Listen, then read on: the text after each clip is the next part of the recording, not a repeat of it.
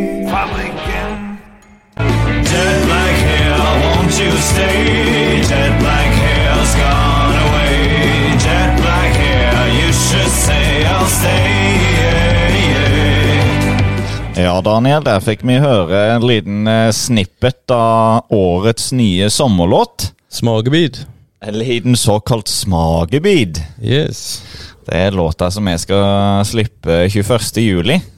Og den må folk eh, presave. Da går de på link... Dot, nei, linktr.ee skråstrek ashlads. Mm. Og så kan de lytte til preview og se på alt mulig rart. Og så kan de bare søke opp Ashlads på nettet, så finner de det. Det blir gøy. Så det, det er jo en sånn liten, eh, liten sånn eh, markedsføringsstint. Ja. Liten stint. Men det er jo ikke det vi skal snakke om i dag. Nei, det er egentlig ikke det. Hva er det vi skal snakke om i dag, Daniel? I dag så tenkte jeg vi kunne snakke litt om eh, intelligens. Intelligens. Uh, nå skal vi bli smarte. Nå skal jeg bli smarte, rett og slett. Det er jo eh, litt det som er elefanten i rommet, da, Daniel. Eh, Yes. Er vi intelligente nok til å snakke om intelligens? Ja, det spørs. Det spørs. To brødsmuler skal snakke om intelligens. Det- Brødhugu eh, skal prøve seg på det. Eh, så dette er, jo, dette er jo mitt masterprosjekt.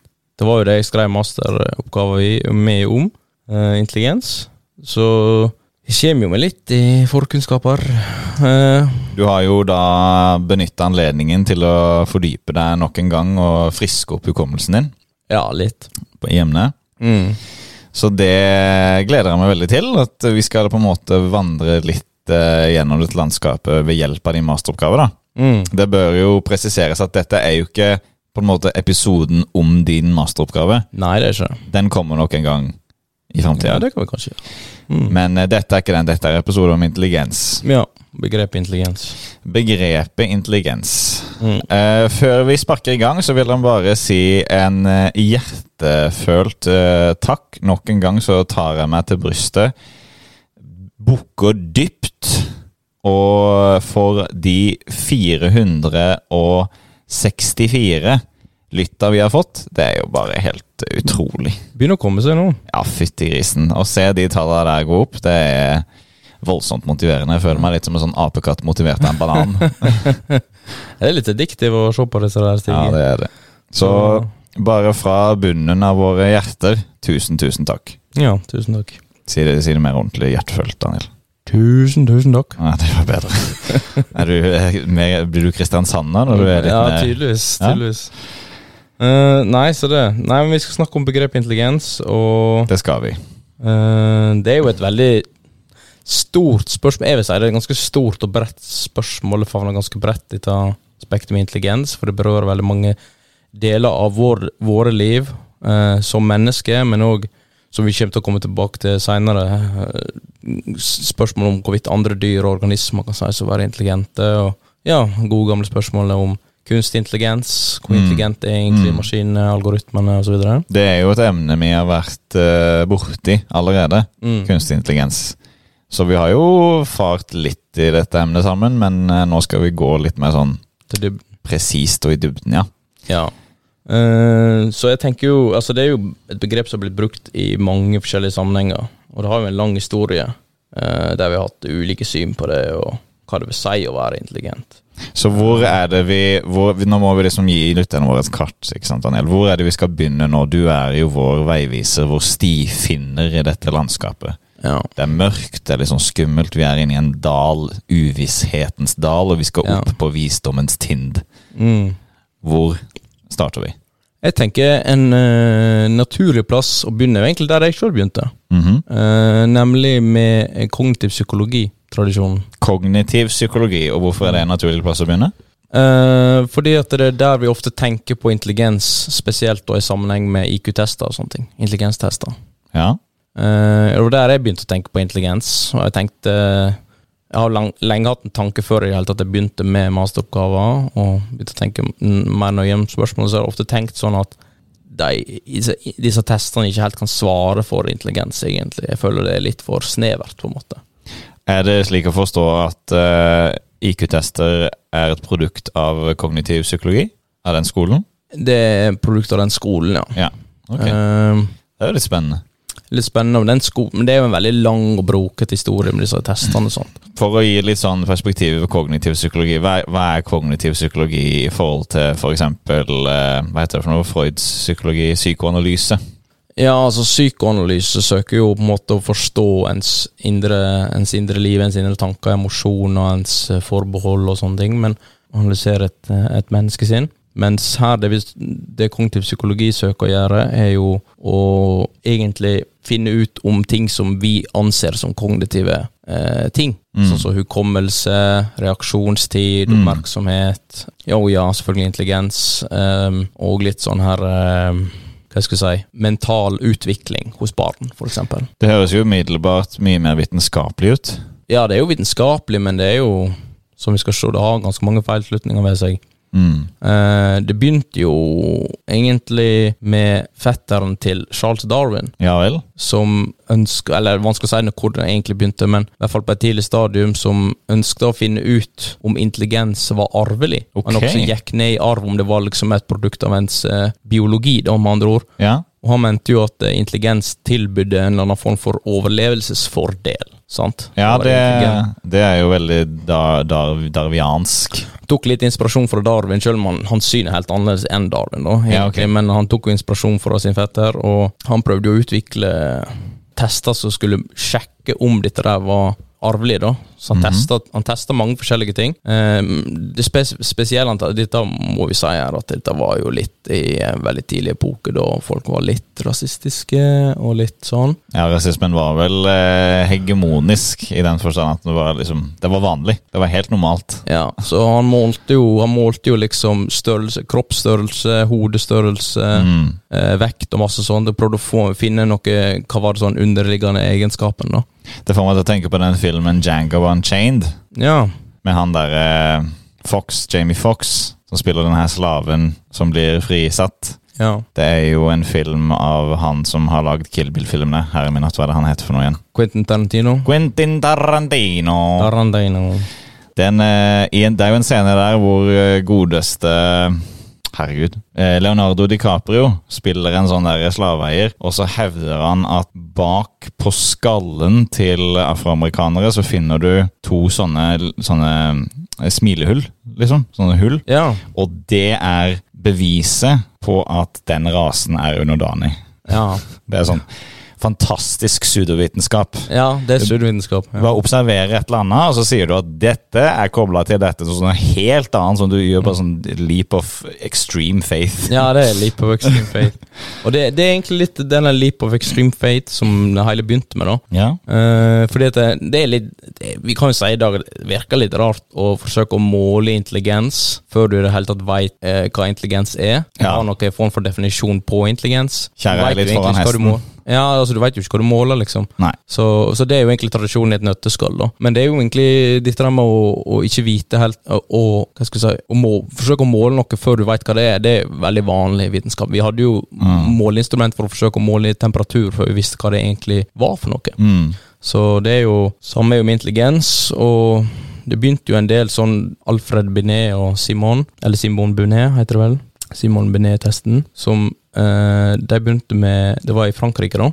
De forsøkte å Det var når de begynte med skolevesen og ha skoler og sånn i Frankrike, sant? så måtte de få masse barn i ulike alder inn på skolen. Mm. Og mange, noen var jo 20 år gamle, noen var 8, noen var 10, noen var 12. Altså. Mange hadde jo jobba liksom på gård og alt sånt. Så de visste liksom ikke helt hvor skal vi sette folk her. Hvor skal de begynne? Ja, ok, men Vi må finne ut liksom hvor, hvordan er de stilt, da. Mm. Eh, og da prøvde de å utvikle tester for å måle eh, men, det de kaller mental alder. da. Ja. Altså hvilken mental alder du har, og det sidestilte de med eh, kronologisk, altså faktisk alder. sant? Ja. Du, kan ha, du kan være 20 år gammel, men ha en mental alder på 8, for eksempel. Eller noe Og sånt. det, det var ikke sånn mental alder som For når jeg hører det nå med mine mo moderne ører al- an- anno 2023, så tenker jeg mental alder er liksom hvor sliten du er, da, eller hvor, hvor eh, skadet eh, hvor gammelt og ubrukelig vevet er. Mens eh, de mente sikkert hvor smart du var. da. Hvis du har et, hø- en høy mental alder, så er du smart. Ja, de mente på en måte det. De mente liksom at du,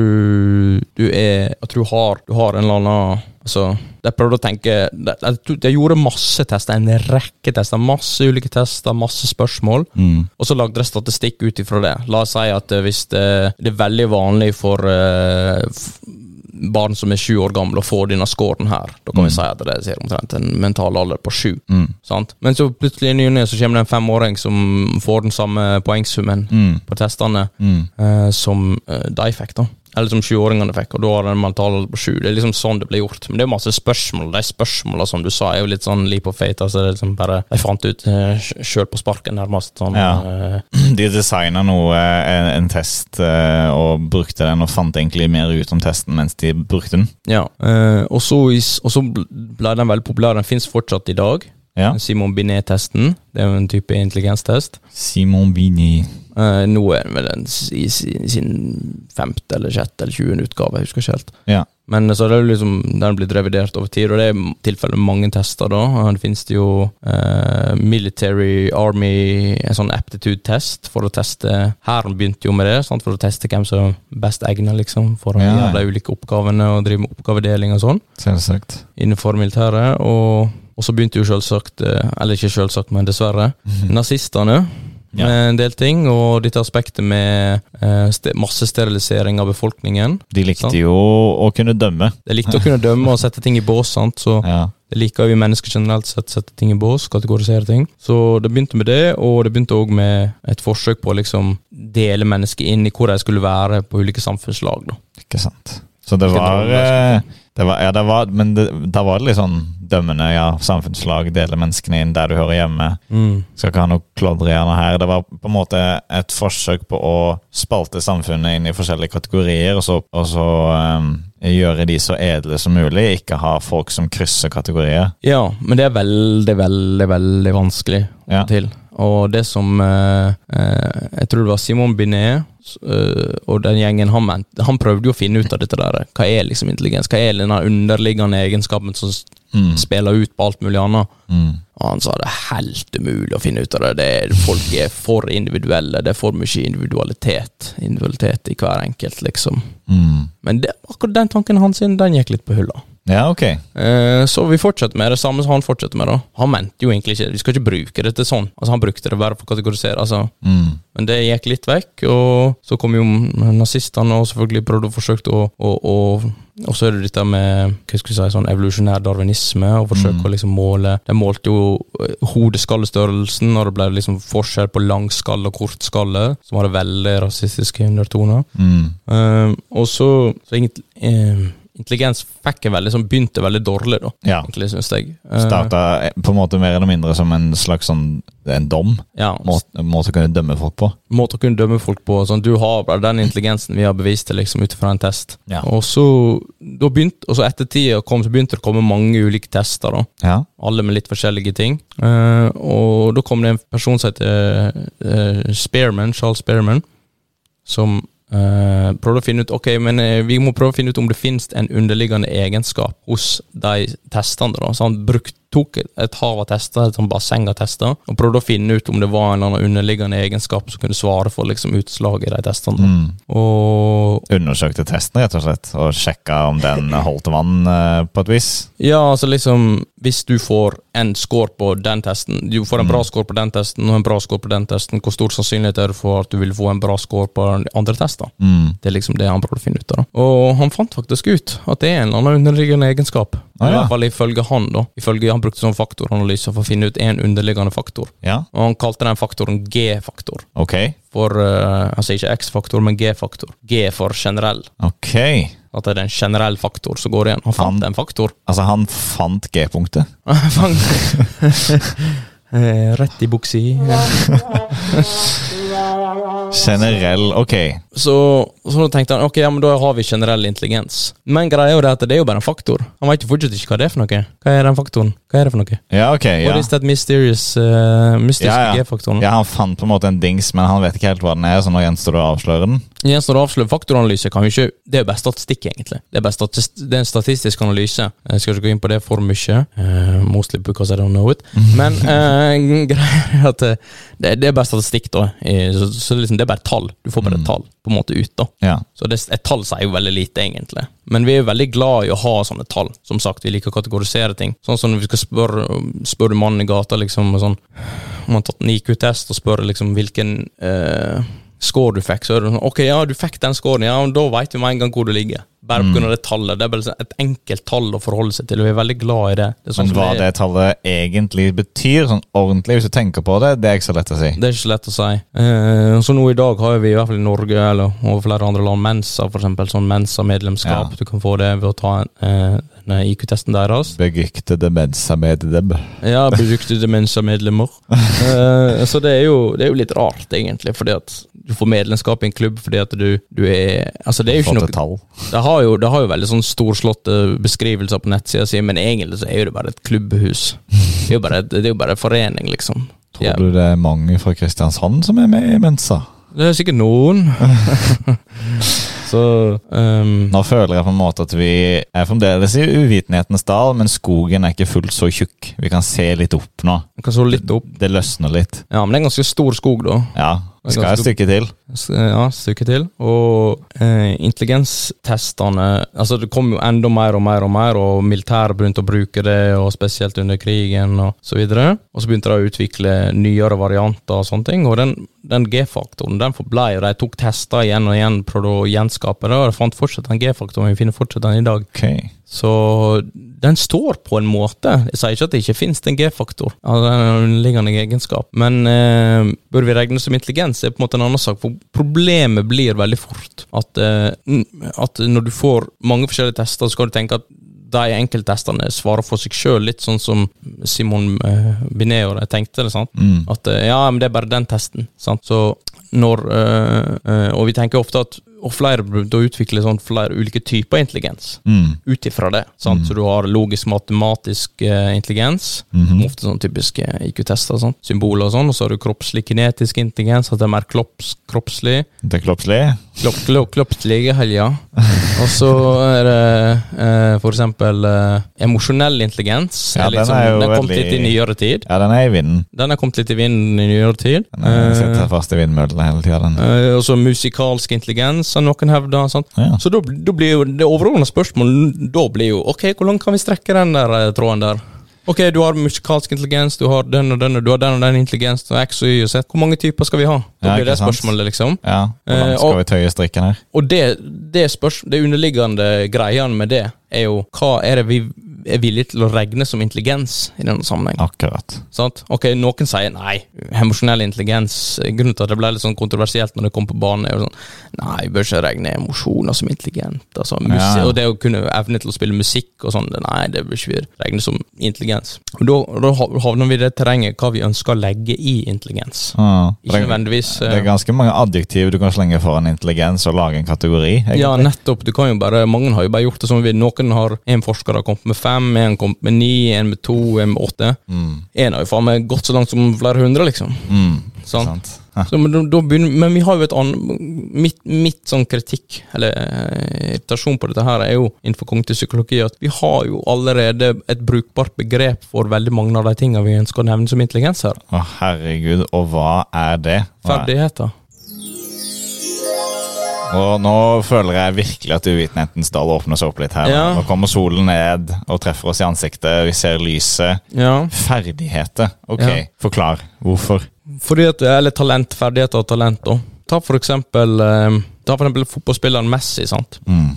Skal vi regne han som en intelligent fotballspiller, eller skal vi bare si at han innenfor, innenfor eh, fotball så har han et talent? Han er jo åpenbart talentfull, det er jo ikke noe Vi må jo Nei, nesten det- bare si det. Mm. ja. Men, men, eh, eh, men er han en intelligent fotballspiller, eller finnes det andre som er dårligere enn han, som er intelligent? Ikke sant? Det kan jo Mm. bli et spørsmål. For eksempel er det Magnus Carlsen innenfor sjakk. Sant? Han er jo åpenbart eh, Mange vil jo nevne han som the goat, eller Ja, ja, jeg er da gæren. Birds of All Time. Han er jo åpenbart eh, Han er jo åpenbart det. Eller spørs hvem du spør, men Han er en åpenbar kandidat, i hvert fall. han er i hvert fall god i sjakk. så, så han har talent for sjakk, det er uten tvil. Det kan vi si. Og han har eh, i hvert fall ferdigheter. Han har opp gjennom bygd det opp gjennom et helt liv med sjakk. Han har i hvert fall ferdighetene, samme som Messi. Men er han en intelligent sjakkspiller? sant? For Det fins jo folk som mener at nei, han er ikke så intelligent sjakkspiller. Det fins andre som er mer intelligente, men han er veldig god på intuisjon og sånne ting. sant? Eh, Det fins andre som kan mer teori og sånne ting. Så det blir jo et spørsmål hvis du skal måle en person sine ferdigheter. blir det veldig vanskelig å finne ut i hvor stor grad de ferdighetene er basert på, spesielt sånn som med Karlsen og sånn, et liv med masse trening. Sant? Masse trening i løpet av mange år og bli bedre og bli bedre og bli bedre. og bli Ordentlig bedre. monoman. Ja, ikke sant? Forskjell på det, eller at han kanskje var god i utgangspunktet, på en måte. At han hadde eh, en god eh, utrustning til akkurat det. I utgangspunktet er det veldig vanskelig å vite om hvor mye er det ene og det andre, og det penser litt inn mot de klassiske arv- og miljøgreiene. da. Mm. Ehm, sant? Så når du måler la oss si du måler han i sjakk, altså du vil jo åpenbart f- finne ut at han er flink til det, men det kan jo hende han ikke er så flink til andre ting. Sånn så, så han, eh, En som heter Hikaru Nakamura, som òg er en sjakkspiller, som du sikkert har hørt om, som Carlsens rival på et tidspunkt, i hvert fall. Carlsens rival på et tidspunkt, og han har jo vært i verdenstoppen, han òg. Og er jo ekstremt god. Eh, Men han tok jo en IQ-test, som kjent, og han fikk jo bare en sånn helt vanlig score, sånn 100 eller et eller annet. Helt vanlig, liksom. Så Mm. Men det kan jeg skjønne, fordi Hikarus styrke er jo at han er så kjapp. ja. Så han er liksom intuisjon, og det er ikke noe som i IQ-test Eh, Jo, de skal jo fange opp intuisjon, Skal faktisk. fange opp De skal intuisjonen. fange opp det. Eller sies i hvert fall det. Det er veldig mye som IQ-tester sier at jeg skal fange opp, som de Ja. ikke nødvendigvis fanger opp. Eh, så det blir, du du får veldig mange ferdigheter. Du får litt sånn vanskelig terreng for at du skal snakke om Ok, ferdighetene Ja, alt mulig kan jo være en ferdighet. Sant? Altså Det kom en interessant statistikk på Messi som fotballspiller, for å på en måte backe litt opp det og forstå han som intelligent da, Mm. for, i, i, sin, i, sin, i sin sport. mm, Messi i sin eh, høy, høydar, høytid, eh, var så å si alltid den som løp desidert minst, desidert kortest avstand i alle kampene sine. Ja. Han gikk og gikk og gikk og gikk. Og gikk. Og eh, det man ser når man analyserer det, er at istedenfor å følge spillet, så går Messi til dit spillet vil gå. Mm, Så ja. istedenfor å, å løpe i en stor U, så bare går han rett hen til det andre stedet, ikke sant? ja, ok. Ja. Det er litt artig. Og det er jo litt sånne ting som eh, Altså, jeg vil jo si han er intelligent eh, fotballspiller, uten at jeg er så veldig inne i fotball, men jeg har jo, alle har jo hørt om han, liksom. Mm. Vet jo, han er jo i toppen, i hvert fall. Mens jeg er i farta, så må jeg komme med en liten eh, in- interessant fun fact om musikk. Ja. musikalsk intelligens. Å utøve musikk, det vil si å spille det, og så da naturligvis høre på det du spiller, Mm. er den aktiviteten som mennesker gjør ofte, som involverer en så stor eh, andel av hjernen som mulig. Mm. For du, det å lytte til musikk, det involverer de matematiske prosessene. Ja. Og det å utøve involverer de motoriske. Ja. Og det er veldig sjeldent en aktivitet kombinerer de to. ja, ikke sant? Ja, nettopp, så øh, Man kan jo hevde at øh, du kan være intelligent som innenfor der, og jeg vil jo hevde, at, hevde det, men jeg vil ikke hevde sånn som mange vil hevde, som vi snakker om, at det finnes mange forskjellige typer. Mm. Mm. Min greie er at jeg vil si det finnes bare én type. Ja, du, er liksom, under- du leter etter det universelle her. Ja, eller etter universelle trekker. Og det, det er jo det de har prøvd på en jukseaktig måte, mener jeg, å si å, det er en G-faktor. Altså generell intelligens. Ja, Eh, Det finnes én underliggende egenskap, og den pensler inn på alle mulige egenskaper. Sant? Det finnes en sånn overordna, det er den mystiske G-faktoren, generell intelligens, som de kaller det. Mm. Eh, og så er det, mer, sp- det er liksom det universelle trekket, og så går den inn på mer spesifikke ting, sånn som logisk matematisk intelligens, kroppslig kinetisk intelligens, eh, musikalsk intelligens, emosjonell intelligens. Og så må vi bare finne ut hva som er lenger nede i hierarkiet, da, på en måte. Mm. Men det mener jeg er en veldig rotete måte, og veldig feil måte å gå fram på, for du ødelegger begrepet helt, for vi kan bare alltid, alltid bare legge til en ekstra. Ja. Og hva er det som er intelligent i det, liksom? Altså generell intelligens. Ja, ja, men intelligens er jo fortsatt inn i begrepet. Du Ja, har ja, ikke definert ja. det, du har bare sagt generell. Ja. At det er noe generelt ved det. Slengt et adjektiv foran og call it a day. Call it a day, liksom. og så slenger du nye adjektiv på alt mulig nytt. Så øh, ja, mange har jo prøvd å finne ut liksom sånn øh, En veldig enkel måte å teste ting på, er å teste hukommelsen. sant? Mm. Du har jo sånn kjente sånne korttester, altså der du tester liksom, du skal huske det kortet, forhold til det kortet, hvor var de? Finne to like, eller finne tre like. sant? Den såkalte flashcards. flashcards, og så er det en sånn kjent sånn tekst, eh, tekst faktisk, test, som eh, Jeg er rapper litt grann her, på sida. Er ikke det beatbox, egentlig? Yeah. Yeah. Jeg fikk det til, du. Eh, nei, så da har du testa testa for eksempel bare reaksjonstid. Ren reaksjonstid. Sånn. Reagerer du, skal trykke på en knapp nå, kjapt, på et sekund, liksom. Bare sånn kjapp, veldig sånn intuitiv, eh, eh, kroppslig greie, sånn. Mm, Så, men jeg vil jo si alt dette her regner jo som intelligent, men jeg vil ikke si det på den måten de sier det. Min, min tanke er jo da at det finnes en underliggende eh, Eller nei, jeg vil faktisk ikke si at det finnes en underliggende egenskap. Jeg vil si at eh, alt er på en måte i de ulike egenskapene. Det er i tinga, liksom. mm, Sant? Det finnes ikke før tinga, på en måte, sånn før alle disse evnene. Det er på en måte i tingen i seg sjøl. så min, mitt argument er jo eh, det er egentlig aristotelisk. Jeg forsvarer jo en aristotelisk modell i min master. Ok. Eh, og i Du korte og trekk- Aristoteles, altså. Dere er blitt ganske gode venner. gode venner. her. Så Vi sitter nede i Piraeus der og tar oss en et glass, Piraeus. Eh, et glass vin. Ja, nei, så, så jeg vil jo si at eh, i korte trekk så Den har visse kjennetegn ved seg, den modellen. da. For Aristoteles mente jo at eh, en bør se på begrepet som på en måte rotfesta ut ifra det fysiske og det materielle. Ok. sant? Og at en bør fokusere på det partikulare, altså det spesifikke, Mhm. tilfellet, og utgå fra det. Begynne med det spesifikke, sant? ikke begynne med det generelle eller universelle, sånn som eh, kognitiv, eh, kognitiv psykologitradisjon har gjort. Så starte på bakken, og Ja. så, og så ta og hente ut det abstrakte derfra. Det er sånn typisk aristotelisk in res i tingen. Ja, inre, inre, inre realisme. Um, I tingen, ja. Det er nettopp det. I tingen, liksom. Og i måten det gjøres på. Du kan gjøre ting på Mm. intelligente måter. Du kan spille musikk på intelligent måte, du kan spille fotball på intelligent måte. Du Og kan spille, tingen ville da vært et konkret enkelttilfelle av intelligens på et eller annet vis. Og så skal Ja. man på en måte hente ut det her universelle tingen som er intelligens, da. ja, det er liksom måten noe gjøres på. Mm. Uh, Og jeg beskriver den tingen som evnen til å skjelne på ulike måter. da. Evnen til å skjelne på ulike måter. Ja. Uh, Og, og, og hva er det det er? Eh, Unnskyld. Hva er det det er? Det er det, er det som er intelligens? ja. Ok. Så intelligens er evnen til å skjelne ting på Ja. ulike måter. Evnen til å skjelne, og evnen til å skjelne er på en måte litt Det kan høres litt vagt ut, men det handler jo om Det å skjelne, eller discern på engelsk, er jo på en måte å beslutte et valg, tr- treffe et valg imellom flere ulike valgalternativer som på en måte eh, løser på en måte det problemet du ønsker å løse, da. Går mot det målet du ønsker å ha, sant. Eh, men det betyr ikke at det nødvendigvis er mest optimalt, eller sånn, men at det er mest riktig, sant. Mm, mm. Så, for du kan jo være rasjonell, men, men at, og der at du på mest effektiv måte kommer fram til løsninger, men det er nødvendigvis ikke sånn at du skal ha den løsninga i utgangspunktet, f.eks. Hmm. Så Discern det er jo litt spesielt eh, ord. ja. Vet du, Har det noe sånn etymologisk eh, greie for seg angående intelligens, eller? Det har det, ja. For det, det er jo noe av poenget mitt, at vi skal bevare dens, eh, begrepets originale betydning. Ja. Og eh, intelligens eh, stammer fra inter og lego. Og Ja. inter er jo på en måte imellom, eller imellom, eller sånn. Mellom Lego. Mellom legoer. Det sitter legoene. Det kan ikke ha vært danskene som fant opp intelligens. Nei, det kan absolutt ikke. Eh, Kan du fed meg, min? så, men Lego betyr jo på en måte å samle, da. Det gir jo litt mening at navnet på det firmaet heter Lego, men Ja, ok, det er det det det betyr. ja. betyr omtrent, omtrent samle, da. Jeg skal samle på de brygger, men skal de bygge et lite hus? Jeg bruker lille hus, Lille, lille hus. Så det er jo, det er jo eh, å beslutte et valg imellom ting. Ja, Sant? ok. Du skjærer igjennom. Det får meg til å tenke på For intelligens er jo da Det er jo ikke et helnorsk ord, holdt jeg på å si. Det er jo et Nei, eh, et- låneord. Et låneord, på en måte. Det får meg til å tenke på skarpsindighet. Ja. Og det passer jo litt med å skjelne også. ja Hvis du er tror jeg. skarpsinna, så kan du kutte gjennom ting. ja. Det passer litt, men det er i hvert fall hos mennesker, da.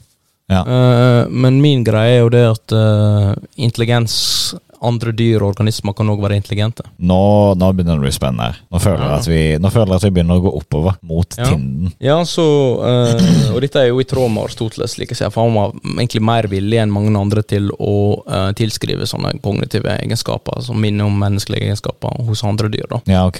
Kanskje ikke så langt ned som organismer, men mm, en del. For han utforska jo, vi har jo nevnt det tidligere i Aristoteles-episoden, at han utforska jo dyr. Dreiv med litt biologi, dissekterte dyr med Oh, yes. sine studenter. og Han skuet utover, som man sier. skutt utover. Og det er nettopp det, skutt utover ned mot verden, mot det fysiske. Sånn, at han vil ikke opp i Mm. space, holdt på å si. Eh, Og det bør jo påpekes at det å kunne eh, Altså, for 2500 år siden å tilskrive dyr eh, intellekt på samme måte som mennesker, mm, eller nesten på samme måte, det er jo ganske eh, vilt. For det, menneskeheten har jo høynet seg selv over og ut av dyreriket gjennom historien. ja, gjennom, n- helt riktig. Vi har på en måte satt oss sjøl på en pidestall. Oh yes. Eh, og så egentlig, slik jeg ser det, så reiv vi på en måte, i hvert fall delvis, Darwin oss ned. Mm. Fra den, Charles Darwin. Oss ned fra den pidestallen litt, grann, og vise at vi er liksom et produkt av, eh, av eh, evolu en lang evolusjon, evolusjonsteori og alt sånne ting. Natur. naturen. Og tidligere så har jeg ofte tenkt på at eh, eh, vi, vi ser, og mange ser ofte fortsatt i dag, naturen som en slags stige. da, i analogisk forstand. Vi er på en måte på toppen av stigen. da. Så du tenker Så andre dyr på er lenger ned. næringskjeden? Ja, n- eh, t- ja, næringskjeden, på en måte. Og han mente at det var mer som et tre. da. Ja, ok. Og i bokstavelig forstand, eh, forstand evolusjons, eh, evolusjonstre. sant? Ja, ja, selvsagt.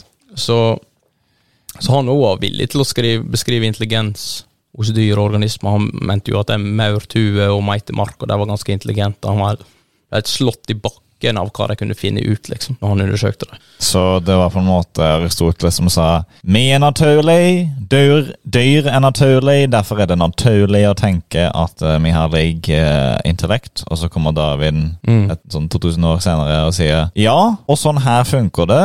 Evolusjonsteori via naturlig utvelgelse, naturlig seleksjon. Ja, nettopp. Det, du kan ikke beskrive som naturlig intelligens, eller intelligens som et trekk i naturen. Oi, oi, oi, Generelt oi, sett. oi.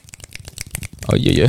Nå, eh, det føler jeg var litt sånn eh, flott. Ja, flott. Naturlig intelligens. Ja, kan du høre det? Kontrast er kunstig intelligens. Ja ikke- wow, wow, wow, wow, wow. Oh. Wow, wow, wow. Nå løsner det veldig her i Vitnettens dal. Nå føler jeg vi klatrer godt opp og det tynner seg ut. Og vi puster ganske frisk luft nå. Nå, kommer, nå begynner det å løsne, løsne her. Ja, jeg er på vei, o- nå er vi på vei opp mot visdommens tind. Visdom instindi. To fabrikkarbeidere med hammer og, og meisel. Hammer og meisel. Så, nei, så det er jo egentlig Og da blir jo det videre spørsmålet. Ok, la oss si vi skal prøve å finne ut om andre dyr og organismer er intelligente. Ok, ja, men Hvor langt skal vi strekke den tråden, da? Ja. Altså, ok, Vi kan si ja, ok, sjimpanser da, de er jo litt nær oss, sant? Altså, liksom biologisk sett. Ja. Sånn. Vi veit jo det i dag. sant? 98, kom- nei, er ikke 99,4 likt. Jeg tror det var 98,2 eller 98,2, ja. noe sånt. Mindre enn to prosentpoeng eh, ulikt. Altså forskjell. Ja, jeg har et par kompiser som er litt nærere, men uansett. oi, oi, oi, oi. Oi, oi, oi, nå, nå er du humor, humormann. Humormani. Eh, så Nei, mm, så da blir spørsmålet hvor langt ned skal du gå? Eh, skal du gå ned til Ok, vi kan gå ned til planter, liksom. Ja. Er det intelligente? Skal vi gå helt ned til cella? Er cellen intelligent? Altså hvor langt ned på liksom st- stigen eller treet skal vi gå? Eh, og jeg, jeg mener da at det blir litt for dumt å snakke om en celle som intelligent. Mm. Det fins visse, visse celletyper, sånn som S. roseli og sånne ting som er blitt forska på, som har veldig gode egenskaper, men det er ikke en normal celle, liksom. Det er jo en amøbe. Ja, og så finnes det jo amøbe, sant? ja, men det var bra du først sa, faktisk sa amøbe, for det, eh, det tok jeg opp i, eh, i eh, oppgaven min. Og da, Sånn, eh, da mener du ikke skjellsordet, liksom. Da mener du det du er, faktiske en- du er en eh, amøbe, du. Du har ikke skjønt Det var ikke sånn eh, liksom ditt motsvar til de som ikke støtter teorien din. Nei, Han er amøbe, hun er amøbe, ferdig med saken. helt kapittel om amøber. Eh, ja. Nei, men det er jo egentlig ehm, Gikk du til veilederen din og sa 'Veileder, jeg må skrive et kapittel om amøber'. Det var faktisk nesten sånn jeg sa det. Ja, ok. Det er faktisk ikke helt tull. Jeg sa jeg har veldig lyst til å ha et kapittel om der jeg skriver om sopp, og jeg har veldig lyst til å skrive om et kapittel der jeg skriver om slim. Ok. Og slim er en, en møbel, da. Slags Ja, ok. en møbel. Så det er jo litt gøy. For det er jo blitt forska på sånn slim som lever i naturen. sant? Eh, Det som skjedde nå, Daniel, det var at nå ble du litt sånn gal professor. Madman. I'm a madman. I wanna, I wanna write about mushrooms all day. Det er litt sånn eh, Vi skal snakke om intelligent slim! Og så før du vet ordet av det, så lager du sånn snakkende slim. Snakkende slim.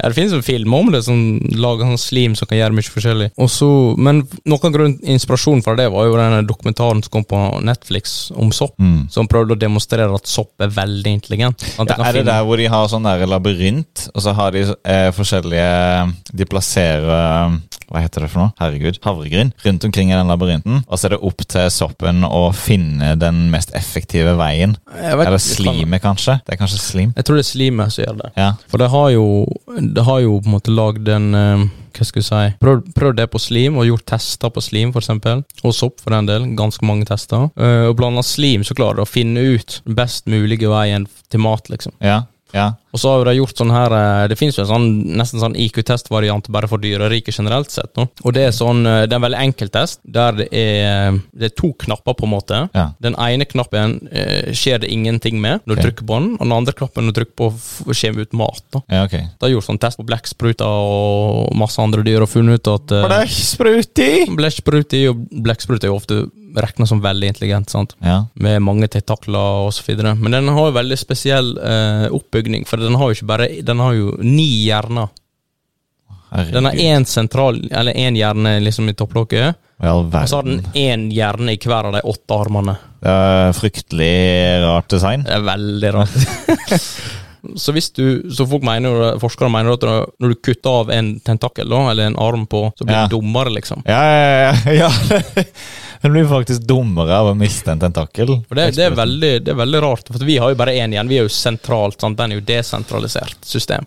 Ja, Så liksom, hvem fatter beslutninger? Er det den armen nå, eller er det liksom eh, ja, ja. ja. Det er veldig vanskelig å finne ut av. Hvis eh, den mister Den har vel ikke blod, kanskje, men hvis den mister liksom, litt sånn tilførsel av hva enn den har i den ene Ja. tentakelen, så får den personlighetsforandring. Ja, altså, det er veldig merkelig. Sånn, den har sugemekanisme, den har veldig god hukommelse. Den er liksom som et lite barn, liksom. Mm. På en måte. Og de er jo ganske brutale, eh, blekkspruter. Det er jo eh, observert at de slåss med hvaler og sånn. Ja. Og spekkhoggere og delfiner og Ja, det er nettopp det, og, og det som vi kommer til å komme inn på, litt sånn, det er vanskelig å forske på dyr, eh, på eh, dyrene sine kognitive apparat. Det er veldig vanskelig, fordi at det, når du forsker på det, så forsker de ofte på det i en lab, mm. men laben er jo ikke dens naturlige habitat. Å, Ikke sant? Sant? Så det er vanskelig Ok, ja, men er dette her egentlig applikert på hvordan den vil oppføre seg? Eh, Så vi gjorde jo lenge det, testa blekkspruter i lab, og blekksprutene er jo notorisk for å rømme fra laben. De liker jo ikke- liker jo ikke seg der. Ja, ok! For det har jeg liksom bare sett på sånn Pixar-filmer og sånn, men det Det skjer Ja, ok, hele tiden. Det er inspirert av virkeligheten, ja. Det skjer hele tida. Og ikke bare, ikke bare labavdelinga, men òg dyrehage og sånne ting. Å, ja. Ja, ja, Det skjer faktisk. Eh, og så er det veldig vanskelig, s- mm, litt fordi den stikker av hele tida, men Legg Noen- sprudene løs igjen fra Kristiansand dyrehage! ja. Er det blekksprut i dyrehagen? Ja, kanskje? Det er sikkert det. Det er sikkert. Altså, mye den er jo ganske enorm, den der dyrehagen. Ja, den er ganske enorm. Eh, men noen har jo hevdet at «Åh, det at den klarer å rømme, er jo et tegn på intelligens. Ja, det vil jeg Sant? For at den klarer å lure Altså, de har jo prøvd å sette opp kameraene, sette opp, de har satt opp folk som passer på det hele tida, likevel klarer den å komme unna. Den kjenner igjen ulike folk, hvem den personen er, og den sin person sitt sånn opp- værmønster, da, hvis du skjønner. Selv om personen har på seg eh, labdrakt og maske og alt mulig annet, så klarer han likevel å skjelne mellom dem. De sier skjelne, ikke sant. Klarer likevel å s- se forskjell på dem og liksom finne ut av ting på egen hånd. Ja. Så det å så ta for eksempel eh, den amøba Mm. som vi snakka om i stad. Altså Det er jo i grovt, grovt regna. Bare det med en ansamling av ca. 100 000 celler, så det er ikke så veldig mye. Ok. Men den kan vi finne ut. Jeg har gjort den samme testen i den her testen jeg snakka om, den med knapper. og sånn. Det er kanskje ikke knapper, for den har eh, sånn eh, Klarer ikke å slim. trykke, den har ikke krafta eh, til det. Det kan hende det er bare sånn trykkplate eller et eller annet. jeg Vet, så. Ja, ok. Så jeg vet egentlig ikke helt hvordan det blir gjort, men jeg har gjort den samme testen, og jeg har funnet ut at den kan Når den- når jeg har funnet ut matkilder, så blir den der, liksom. For maksimum. Den blir igjen der. Ja, Bare så legger den, seg der. den, ja, Han ja. Bare legger, legger seg der, så blir han der. Så den har løst den der eh, IQ-testen på en måte da, for eh, dyreriket, som de har funnet ut av. Så Mens dyr blir kanskje litt forvirra av den knappen som ikke gjør noen ting. For de trykker på den, og så trykker de på neste, og så tror de kanskje at de må trykke på begge for å få mat. nei, veldig sjeldent. Ok. Finner faktisk ut av det ganske kjapt. Du skjønner at den ikke gjør noen ting? Jeg den skjønner at knappen. den ikke gjør noen ting. Ganske kjapt har de gjort det på mus. Mus er jo klassisk eksempel, som mus i lab og sånne ting. Ja. Sånn typisk sånn eh, BF Skinner-aktig belønning og Ja. strafftester. Stakkars mus. De får Ja. faen meg kjørt seg. altså. Det er bare kjørt seg, disse Labmusa. lab- labmusa. Vi må gi en honnør. Det, hadde ikke det vært litt flott, det har jeg tenkt på, Mm. å eh, reise en statue av eh, mus til eh, musen, labmusens heder og ære for dens offer for eh, at vi skal bli klokere. Ja, Det hadde jo vært litt sånn fint. Det hadde jo vært eh, det hadde jo så på en måte ikke altså Etisk hadde jo ikke regnestykket gått opp, Nei. men eh, det hadde vært eh, noe, i hvert fall. Ja. En fin gest. En fin gest. Og mange mener jo, og det har blitt mer og mer populært, det som er i tråd med egentlig Aristoteles at, eh, og min tanke, at dyr er på en måte bevisste, eller har en annen følelse av hvordan det er å være. da. Mm. Så dette går inn på det gode, gamle spørsmålet bevissthet. sant? Oh, yes. Det er jo stort i seg sjøl. Så det er jo Er det dit vi er på vei nå, i intelligensspørsmålet? ja, vi Kan ikke vi gå inn dit og Ja. skal vi se litt, eh, Skal vi ha en liten tur inn i bevisste bygninger? Bevisst byggi, bevisst rengi. Ja, altså det er jo eh, Bevissthet er jo litt spesielt, for at jeg, er, jeg er faktisk ikke villig til å si at andre dyr er bevisste. Men det greia mi er at vi kan ikke snakke om bevissthet.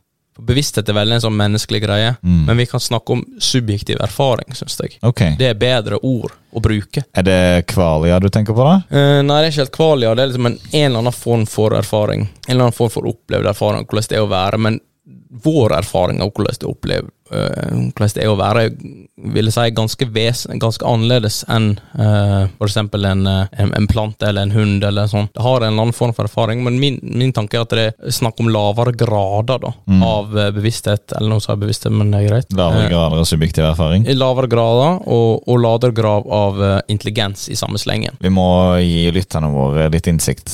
Eh, Kvalia, Daniel, hva er det for noe?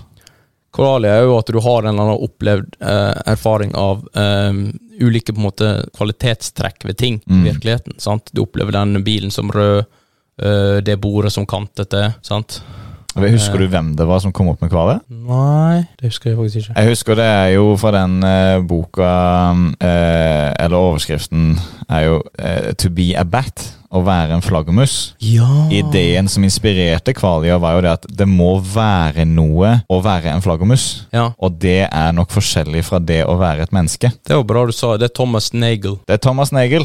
Han skrev en, eh, han skrev en artikkel som heter eh, 'How it's like to be a bat'. How it's like to Og den be- ble veldig kjent, for han mente at vi kan ikke finne ut av dette. her, Vi kan ikke vite det, for den er, s- flaggermusa E er så forskjellig fra oss. mm. For den, har, den, din, den sin opplevelse av hvordan det er å være, er så forskjellig at vi kan ikke forstå det skikkelig. Ja, ok. Skjønner du? Og noe av grunnen, grunnen til at han valgte flaggermus, er for at flaggermus har jo ekkolokaliseringsmekanismer. Ja, ja, ja. Det har Så vi den- absolutt ikke. Nei. Den er, det er veldig langt unna oss, på en måte, Ja. mente han da.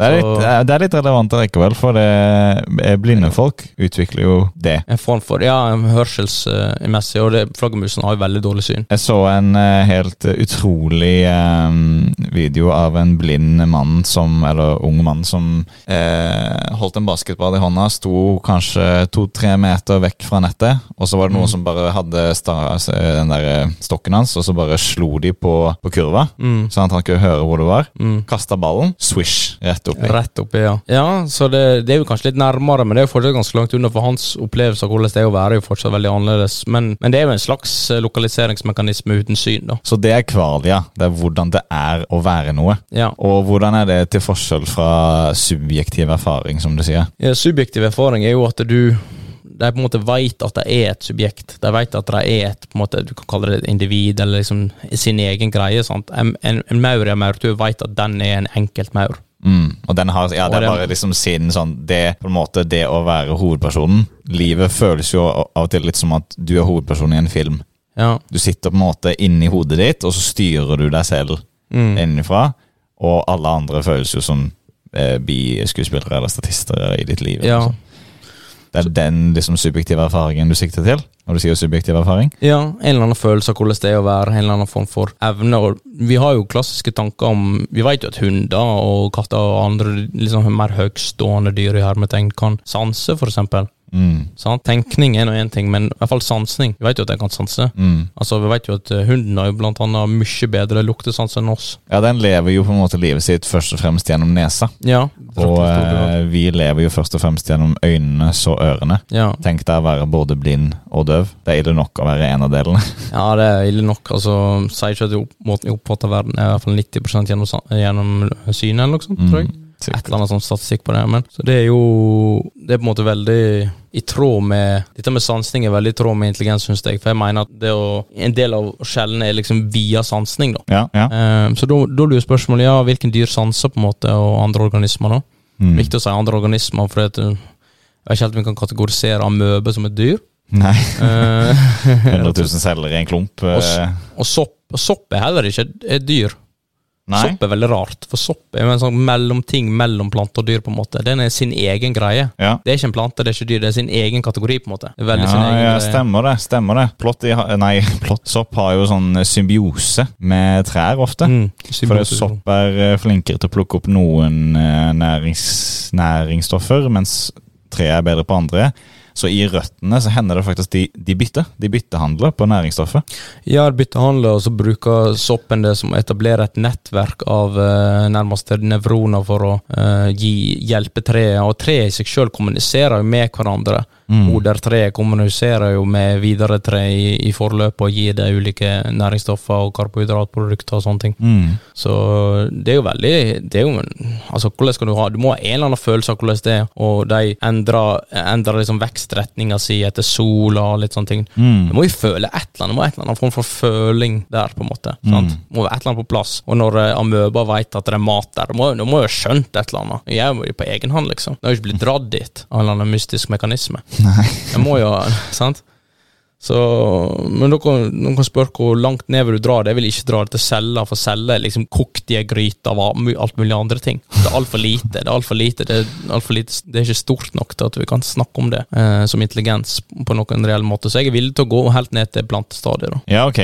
Så, men der stopper det. Ja, det stopper omtrent der. Det stopper, liksom på, det stopper på enkle organismer, men det er nødt til å være en eller annen form for organisme, tenker jeg. Ja, ok. Og er nødt til å finne ut av ting på egen hånd. Det er veldig viktig. Dette med å finne ut av ting på egen hånd, og liksom bli berørt og bli berøres og bevege seg innenfra, som er veldig i artotelisk hånd. Så, når du blir, så ut ifra dette, da, så hvis jeg spør deg er eh, et eiketre smart Ja, eller eller intelligent, intelligent, kanskje. Ja. Eh, da ville jeg sagt ja. ikke sant? I måten det er eiketre på. Ja, i- på dens måte. Ja. Du kan ikke ta, gi den en IQ-test.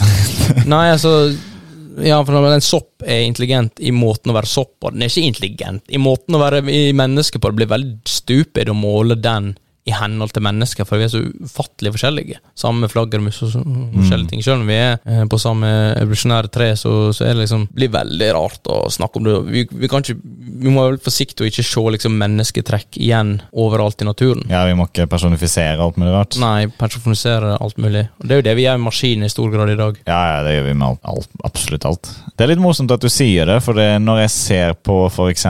Uh, Planet Earth Ja. eller en annen naturdokumentar, så har de ofte et sånt segment med planter, ikke sant? og så har de det i fortfilm. ja. Og når du får tatt det i det perspektivet med fortfilm, Ja. så ser du liksom at planter beveger seg på en måte som er mye mer gjenkjennelig. da. ja. Mens eh, når vi bare observerer de med det nakne øyet, så, eh, det blotte øyet, så, så virker de jo bare helt stillestående og, og egentlig livløse. Ja, det var eh, faktisk en bra, bra ting du sa der. Fordi Tusen at, takk for det. Nei, vær så god, Ibo Kan Kil. jeg få en liten sånn En liten sånn. Nei, jeg kan få den. En liten sånn.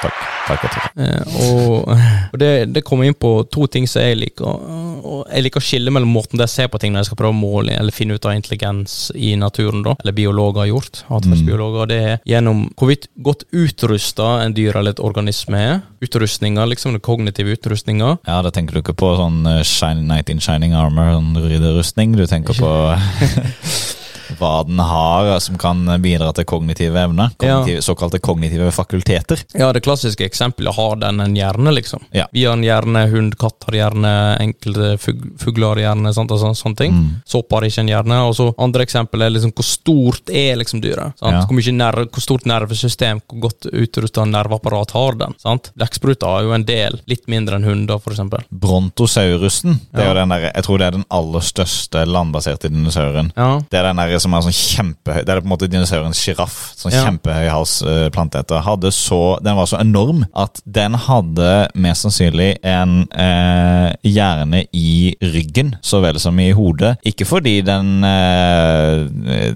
eh, hadde dårlig nervesystem, eller noe, det var bare det var så langt for impulsene å reise at de klarte ikke å reise helt til halen. På en måte ha en ekstra stoppestasjon. på en måte. Ja. Ja. Det er på en måte sånn som en, en signalforsterker, egentlig, Ja. som den hadde i ryggen. Ja, for det er jo litt interessant, eh, og de dyra er jo betraktelig større enn oss. Ja. Så, så liksom, ok, ja, men da kan vi si ja, men vi er jo fortsatt mer intelligente enn det dyret, det vil jeg si. Så, så da blir jo det litt sånn, ok, altså du kan ikke bare gå etter størrelse, altså bigger isn't always better, Ja. på en måte. Det finnes mange dyr som er elefanter som er mye større enn oss, liksom, sant? Så, Vi har jo også eh, Altså vi har jo en hjerne som er ganske flott. Den er jo ikke foruten sine feil, men den er fin, den. Men vi har jo også andre ting som man kanskje ikke tenker på som intelligente, men som åpner opp for intelligent oppførsel. da For eksempel tommelen. ja. Tommelen gjorde jo, åpna jo for eh, presisjonsgrepet i vår revolusjon, som gjør at vi kan gripe ting mye mer presist enn noe annet dyr. Og det gjør jo at vi kan, når, du- når du har presisjon inne i bildet, Mm. det er en eh, ordentlig game changer, for da kan du lage virkelig flotte verktøy med veldig grove materialer. Ja. Jeg tenker for eksempel de der klassiske de der steinene som ser ut som sånn tåre som, så er de, eh, Sånn som hulebordet hadde. Så har de bare k- slått på dem med en annen stein på sidene, sånn at de blir skarpe. Ja. Det er et redskap som krever veldig lite kunnskap, veldig lite erfaring, men utrolig nyttig. Ja, det er, det er liksom det, det er på en måte dette der du har, det er jo et apparat på en måte, kan du si, du kan kalle det et slags apparat, det er en slags, vi kan kalle det det, altså bare tommelene er en form for utrustning, Ja, ja. sant? Absolutt. Eh, så det, problemet er jo at begge, det er liksom utrustning, utfoldelse, det er problemet med begge deler, sant? og du kan ikke, hvis du bare ser på et dyr, eller studerer hjernen til et dyr, så vet ikke du he- alt den kan gjøre, helt sånn, alt den kan gjøre, det gir liksom ikke hele bildet. Men ser du bare på, du, du snakket om eh, i sted med, med planten og sånn, sant? ser du bare på adferden, Mm. til dyret eller organismen, så veit ikke du helt liksom, nødvendigvis hva den består av. eller sånn. Du får liksom bare dens oppførsel i seg sjøl, og det kan være vanskelig å vite liksom dens oppførsel eh, noen forskjellene på dens oppførsel i forhold til andre, det er veldig vanskelig å kvantifisere det. da. Det er litt, litt lettere, men fortsatt vanskelig med måleutrustning, for da kan du, da kan du måle ok, vi eh, menneskekroppen har så og så mange hundre millioner eh, nerver, nevroner, så stor størrelse på hjernen, hu- hunden og katten har litt mindre, derfor liksom litt forskjell der. da. Mm. Eh, mens på atferden alene, så det er veldig mye atferd som er besværende likt eh, menneskelig atferd. Det har jo gitt for eksempel eh, ulike medisiner som vi har, som s- vi har for å hjelpe oss med angst og depresjon og litt sånne ting, til dyr og sett lignende effekter. Mm. Og eh, det finnes mange fugler som har det samme språkgenet som vi har. Fox P2 heter det. Ja, ikke sant. Så det er ganske mye likheter når du egentlig går litt i, og ser etter det i sømmene. Det er interessant. Fugler de kan jo lage masse lyder som oss, som du Ja. påpeker, men de gjør det jo på en annen måte. De gjør det på en annen måte, nettopp. Måten de gjøres på. Der har du Mm. Ikke den sant? igjen. Den kommer igjen hele tida. Den, den, er, den er finurlig, for vi bruker jo lepper, tennene, tunga for å lage sånne klikkelyder. Ja. Mens den bare bruker stemmebåndet sitt hele tida. ja. For den kan ikke lage noen klikkelyder med Nei, ikke sant? Den har Bruker liksom tunga ikke, litt. den har ikke det apparatet, ikke sant. Mm. Så den kan ikke, ut, den kan ikke utfolde seg på den måten. Den kan Nå- ikke handle på den måten. Nå føler jeg at vi må vi, er, vi liksom, er vi ordentlig oppe på visdommens tind nå? Nå, nå? nå me- mener jeg at det er ganske sånn Ja. lyst og luftig her, altså. Ja, for nå, nå begynner vi å- nå begynner det å dimre litt her. Nå har vi snakka litt om kognitiv psykologi, og vi har snakka litt om uh, atferdsbiologi. Ja, Sant? Eh, så det står, gjenstår én stor kategori igjen, ok. og det er kunstig intelligens. Tradisjon. Det er kunstig intelligens. Kunstig intelligens. Um, Intelligens artificielle. Så eh, hva jeg skulle si at eh, Hvis de fortsatt går etter den typen, da, og nå snakker vi om naturlig intelligens Men begrepet kunstig intelligens er jo litt spesielt, for det var jo òg på plass før vi hadde noe særlig maskiner sånn, for å utvikle det. Og i dag er jo det ofte Jeg har sett, lest utrolig mange bøker om kunstig intelligens. Eh, Nesten alle skriver omtrent det samme. sant? Alle skriver om eh, fortellinger til hvordan de begynte å utvikle eller historien om når, hvor det hele begynte, med Marvin Minsky og alle disse her folka der. Og hvem som på en måte coina the term, eh, kunstig intelligens. Det var jo I starten så var det ingen som likte det, den termen. Jeg syntes det var tullete og fjåsete. Men den, ble, den, den forblei likevel. Ja. Og It's nå i stuck. mo- moderne tid så er jo ikke alle som er villige til å snakke om eh, Enkelte forskere som ikke er så villige til å snakke om eh, de som intelligens, de Nei. maskinene og algoritmene. Mm. Det er mindre vilje til det, og det er mindre eh, Det er vel bare snakk om maskinlæring. At Ja. maskiner lærer sånn. Ja. Det er ofte to typer vi, s- i liksom, vi kan lage to store kategorier når det gjelder algoritmer. nå. Ja. Algoritmer er jo på en måte, jeg kan si kjapt, det er en slags oppskrift. sant? Mm. Hvis A, så B. sant? Og det er en lang med masse sånne. Ja. Er det ikke det? En algoritme her. Det er ikke bare en enkelt kommando hvis jeg så B, men det er veldig mange hvis A, hvis A, bla, bla, bla. bla. Jo, jo, men i kort, ja. Men i korte Ja. trekk så er det på en måte det som er den overordna funksjonen. nå. På en måte, log- eh, som er, altså, eh, du kan se Mange bruker jo analogien som sånn oppskrift, eh, kakeoppskrift f.eks. Du må først legge i brød, så må du legge Ja. dit. Som, hvis du gjør litt endring der, så får du noe annet ut der. sant? Ja. Eh, og det er veldig sånn de er bygd opp. Um, og det er to måter de kan på en måte vi kan snakke om her. og Den ene er regelbaserte algoritmer. Ok. Altså algoritmer som bare følger reglene slavisk. Ja. Sant? Prakteksempel på det er jo kanskje en eh, kalkulator. Sant? Eller en sånn der sjakkrobot som du spiller mot på gamle Windows. Ja, det går an. og- Altså, sånn- De er vel regelstyrte. er vel regelstyrte, og så Altså, de, de kan ikke gjøre noe, de må bare følge reglene hele tida. Mm. De kan ikke gjøre noe eh, ut ifra seg sjøl, de kan ikke beveges innenfra. sant? Nei.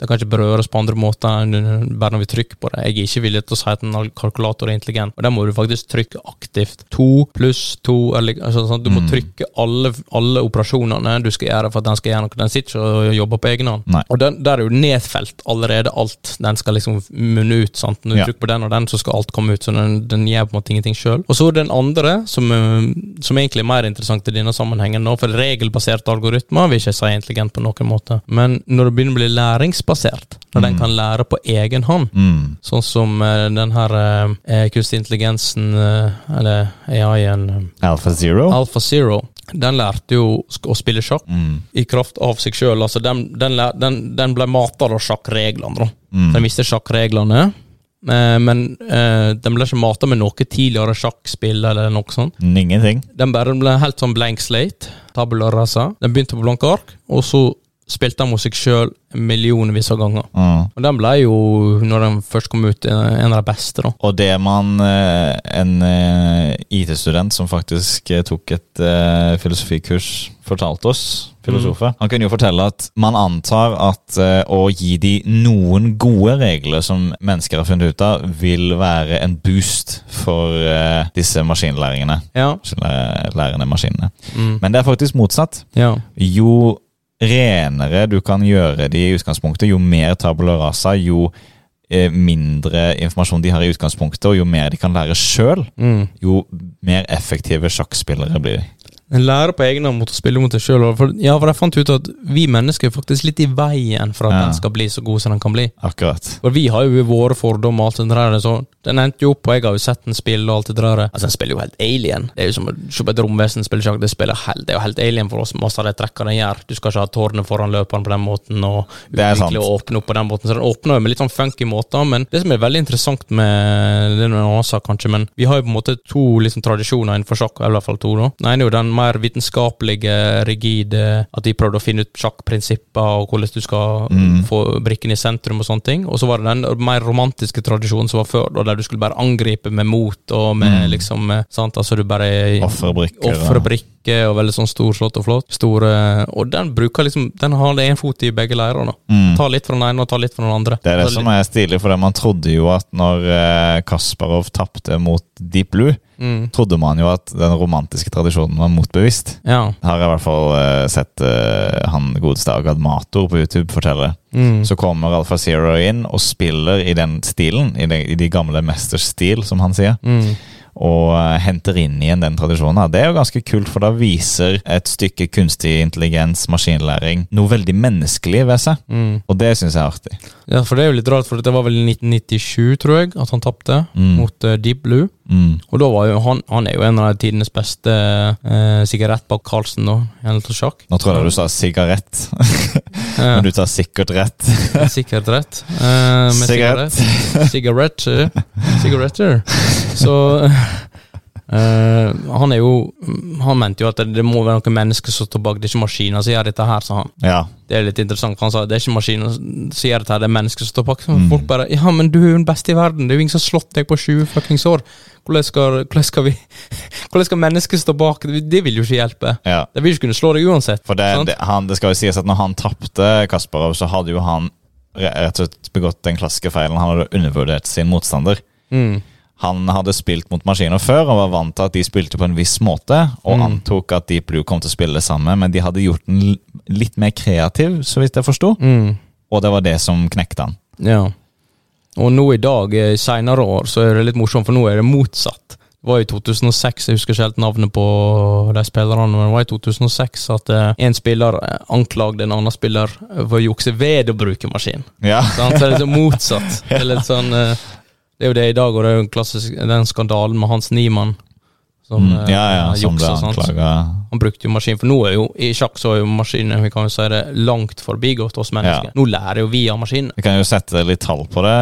Carlsen var hans topprating noensinne, er det sånn 2888 eller noe sånt? Nei, ja, det er 2000 Ja, mm, cirka. To, veldig mange åttetall. Mm. Og Deep Blue ligger på en s- Nei, Deep Blue serie, Alpha Zero ligger på en stabil 3400. Er det 3006 eller noe sånt, kanskje? Ja. Mulig jeg husker litt feil, men Og eh, eh, sånn etter Carlsen så er det sånn 2799, 2799, 2799 2700. Det er veldig tett i Mm. teten. mm. Eh, Carlsen stikker litt ut, selvfølgelig. Han er jo kjempekul. Ja. Han stikker ut med det underbitte skittet. ja. liker å ofre Tony fordi Men eh, de her AI-ene, maskinlærerne, de bare suser forbi i en voldsom fart. Ja, nettopp. Og det er litt derfor folk begynner å tenke at ja, men da, da begynner jo de å være intelligente, da. For at vi mennesker har jo, i hvert fall generelt sett, ofte anser sjakk som et veldig kognitivt anstrengende spill. Mm. Sant? Så det er jo veldig mange som bruker det i, når de skriver om AI, og sånn, så skriver de om Alfa Zero, og så skriver de om Deep Blue. Sant? For det, det er veldig sånn ynda studieobjekt for mange som studerer kunstig intelligens og intelligens innenfor den tradisjonen. fordi at vi syns jo det er så vanskelig, men maskinen synes tydeligvis det er veldig lett. Det er ikke noe vanskeligere å spille for en maskin mot en femåring som knapt kan sjakk, enn det er å spille mot Magnus Carlsen. Nei. Men for oss er jo det en verden av forskjeller. Og eh, det bør jo nevnes at en stor grunn til det er at sjakk er det vi kaller et lukket system. Mm. All informasjonen er tilgjengelig for begge parter til enhver tid i sjakk. Ja. Mens når du spiller vriåte, så er det jo ikke sånn. Mm. For da vet du ikke hvilke kort som er i motstanderes hand, og du vet ikke hvilke kort som er i, sta- i bunken. Mm. k- Stokken. Ja. Så, og de hvor du har manglende informasjon, der er AI-en fremdeles ganske god, imponerende, Mm. men ikke s- på langt nær så god som når den har tilgang til all informasjonen. Ja, det har blitt veldig vanskelig å få den til å på en måte, bli god i poker. Det begynner å ordne seg litt opp nå, Mm. men eh, det er veldig vanskelig. Så det er helt sant. Sånn, det med lukka system, det er veldig klare regler. Mm. Sant? Du gjør det her, så får du det her ut. Sant? Og, så det er langt forbi oss og og det har gått forbi oss på det viset. Og mange tenker jo liksom Ja, hva skjer i framtida hvis maskiner blir bevisste, og hvordan blir de da, liksom? Hvis de Mm. får, men folk tenker jo he- helt feil, tenker jeg her. For at Du får bevissthet sånn som oss, men samtidig så blir du mye bedre. Ja, ikke Altså, sant? det er litt sånn Det er litt sånn funky, funky tankegang her. Eh, for det var en som heter Milane Mitchell, som har forska på AI og sånne ting. Hun mener jo egentlig at det er faktisk motsatt. Grunnen til at den er så flink, eller de er så flinke til å gjøre det de gjør, er fordi de ikke er bevisste sånn som oss. Når de blir, hvis Mm. de blir bevisste sånn som oss, du som nevnte Kali osv., så, videre, så får de våre begrensninger med på kjøpet. Å, herregud. Ikke Det sant? er, eh, det er, den er en Det er en- saftig, eh, saftig godbit. det er en saftig godbit. Så grunnen til at de er så gode i sjakk, er fordi at de ikke er bevisste. Ja, det er, rett, det er rett og slett en mangel som gjør de bedre i visse ting. Ja, faktisk. Mm. Så det er litt interessant. Det minner meg om sånne autistiske personer som er sånn kjempegode på piano, men de kan jo ikke noe annet. Ja, eller sånt s- savantsyndrom. Savantsyndrom, ja. Ja, sånn som for eksempel er dritgod i s- prakteksempel i Rain Man. Ja, den klassiske filmen med Ja, Tom ja. Cruise og han eh, Dustin Hoffman. Eh, Dustin Hoffman er liksom eh, Og den er faktisk bas Rain Man der er basert på en faktisk person som Ja, ja, har det ja. syndromet. Og han er han, han faktisk personen, husker ikke helt hva han heter, men han er jo helt sinnssykt god hukommelse og Mm, enormt flink i matematikk. Men han trenger hjelp til å greie håret sitt Mm. og vaske seg om morgenen og sånne ting. Sant? Så da har han én evne som er sinns... Eller en ferdighet, kan vi si, Mm. som er jævlig hyper, eh, hyperutvikla. Ikke bann i podkasten vår. Du liker ikke det? Nei. Eh, og, og så har han ehm, Hva skal vi si Han har én evne som er veldig utvikla, og så har han litt sånn dusjfunksjonelle evner på andre områder i livet. da. Ja. Eh, Det er en eh, flott episode av House, House MD. Ja, den serien. Ja. Han der legen som har vondt i beinet. Eh, hvor de har en savant inne som spiller piano helt fantastisk. ja. Og så viser det seg at det er hans venstre hjernehalvdel som gjør at han blir savant, Mm. og hemmer han. Mm. Eh, og det de gjør, er at de bare tar vekk den. ja. Da må han i- lære noen ting på nytt, som å snakke og sånn. Men eh, han blir normal da han klarer å kneppe skjorta si. Men Ja. han mister jo evnene sine Den derre superevnen, til liksom. piano. og Han kan leve et liv, da. Nei, altså det er litt, det er litt sånn det er litt, som, Selvstendig. det er litt som med maskinen òg. For det har én evne som er veldig god, men utenom de kan ingenting ellers, da. Nei, ikke sant? Sant? Altså, veldig god i sjakk, eller i sånne ting. Eh, eller å løse komplekse matematiske regnestykker, noe sånt. Mm. Diagnostisere komplekse sykdommer, for eksempel, men en kan liksom ingenting annet. Nei. Så når folk sier sånn eh, kunstig intelligens-maskiner er veldig intelligen- intelligente, da snakker de om maskiner generelt sett. Så hvis du samler alle maskinene i en stor pose, så blir det veldig mye. Mm. Hvis du bare har én maskin, tar, og dette blir partikulære, sant? én spesifikk maskin eller algoritme av gangen, mm. kan du gjøre veldig lite. Så in- hvor intelligent er det egentlig, da? Så mange vil jo si at hvis vi skal fortsette å n- snakke om maskiner som intelligente, så må vi sk- eh, skifte om på eh, hva, vi, hva vi vil regne som intelligens. Og da vil vi ikke ha generell intelligens lenger, sånn som vi hadde i denne kognitive psykologitradisjonen, men vi kan snakke om kompleks problemløsning. Altså hvor eh, godt rusta er det til å løse komplekse problemer. Nå opplever jeg virkelig at vi har kommet fram. Altså, her, nå er vi helt på tinden, og nå er vi foran Gullgåsa Guro. Ja. Gulgosa guru. Så, men jeg vil jo si at det går ikke helt, fordi at måten vi ser på komplekse problem, problemer, eller det, kompleksitet, er jo veldig vår greie. Altså, jeg vil jo se på sjakk som et un, veldig komplekst eh, ting. Selv om det er et lukka system, så er det veldig komplekst og vanskelig. Jeg liker å jobbe litt sånn etymologisk, og komplekst er jo eh, på helnorsk sammensatt. Ja. I hvert fall, det, er- det er ikke nødvendigvis som vi bruker det nå, for låneord får en tendens til å ta på seg sine egne meninger. Mm. Men det er i hvert fall det det er hvis du oversetter til latin. da. Kompleks sammensatt. ja så, Ikke direkte, men Nei, ikke direkte, men, eh, men jeg vil ikke si at kompleks, eller det at du er sammensatt, er det samme som at det er vanskelig, på mm, en måte. akkurat. Det er veldig mye som er komplekst, men det er veldig lett, og motsatt. Sånn, så, Å så, eh, løse mattestykket to pluss to samtidig som du spiller fotball, det er mer komplekst mm, enn å, å løse en eh, Einstein-ligning. ja, det Det er er mer nettopp det. sammensatt, men det er mye vanskeligere å løse den ligningen. Og så er det veldig vanskelig for oss å utvikle eh, alle AI som måtte løse ting som vi anser som veldig lett, som å lære å gå og, og Mm. Ja. bruke veldig fysiske ting som vi gjør bare automatisk, men ting som vi må anstrenge oss veldig for, da har vi for lengst funnet maskiner som løser veldig vanskelige regnestykker, for eksempel, eller lignende. Så det er jo veldig snudd på hodet, så det, det å bruke kompleks problemløsning blir litt feil der. Så det jeg tenker at vi kan heller bruke, som vi sa, eh, evnen til å sanse og evnen til å tenke gjennom ting. Danne seg forestillinger om ting. Mm. Sånn, Vi kan jo danne seg forestillinger veldig sterkt. Vi er jo på toppen av dyreriket fortsatt der. Vi er på toppen av dyreriket når det gjelder intelligens Mm. og egentlig maskiner og alt sånn. Selv om maskiner kan gjøre enkelte ting bedre enn oss, Om så det- mangler den evnen til å lære i det umiddelbare. Den har ikke den oppfatninga. Den har ingen oppfatning. Den kan ikke reflektere over ting. Den har ikke noe erfaring. Den har ikke noen form for erfaring.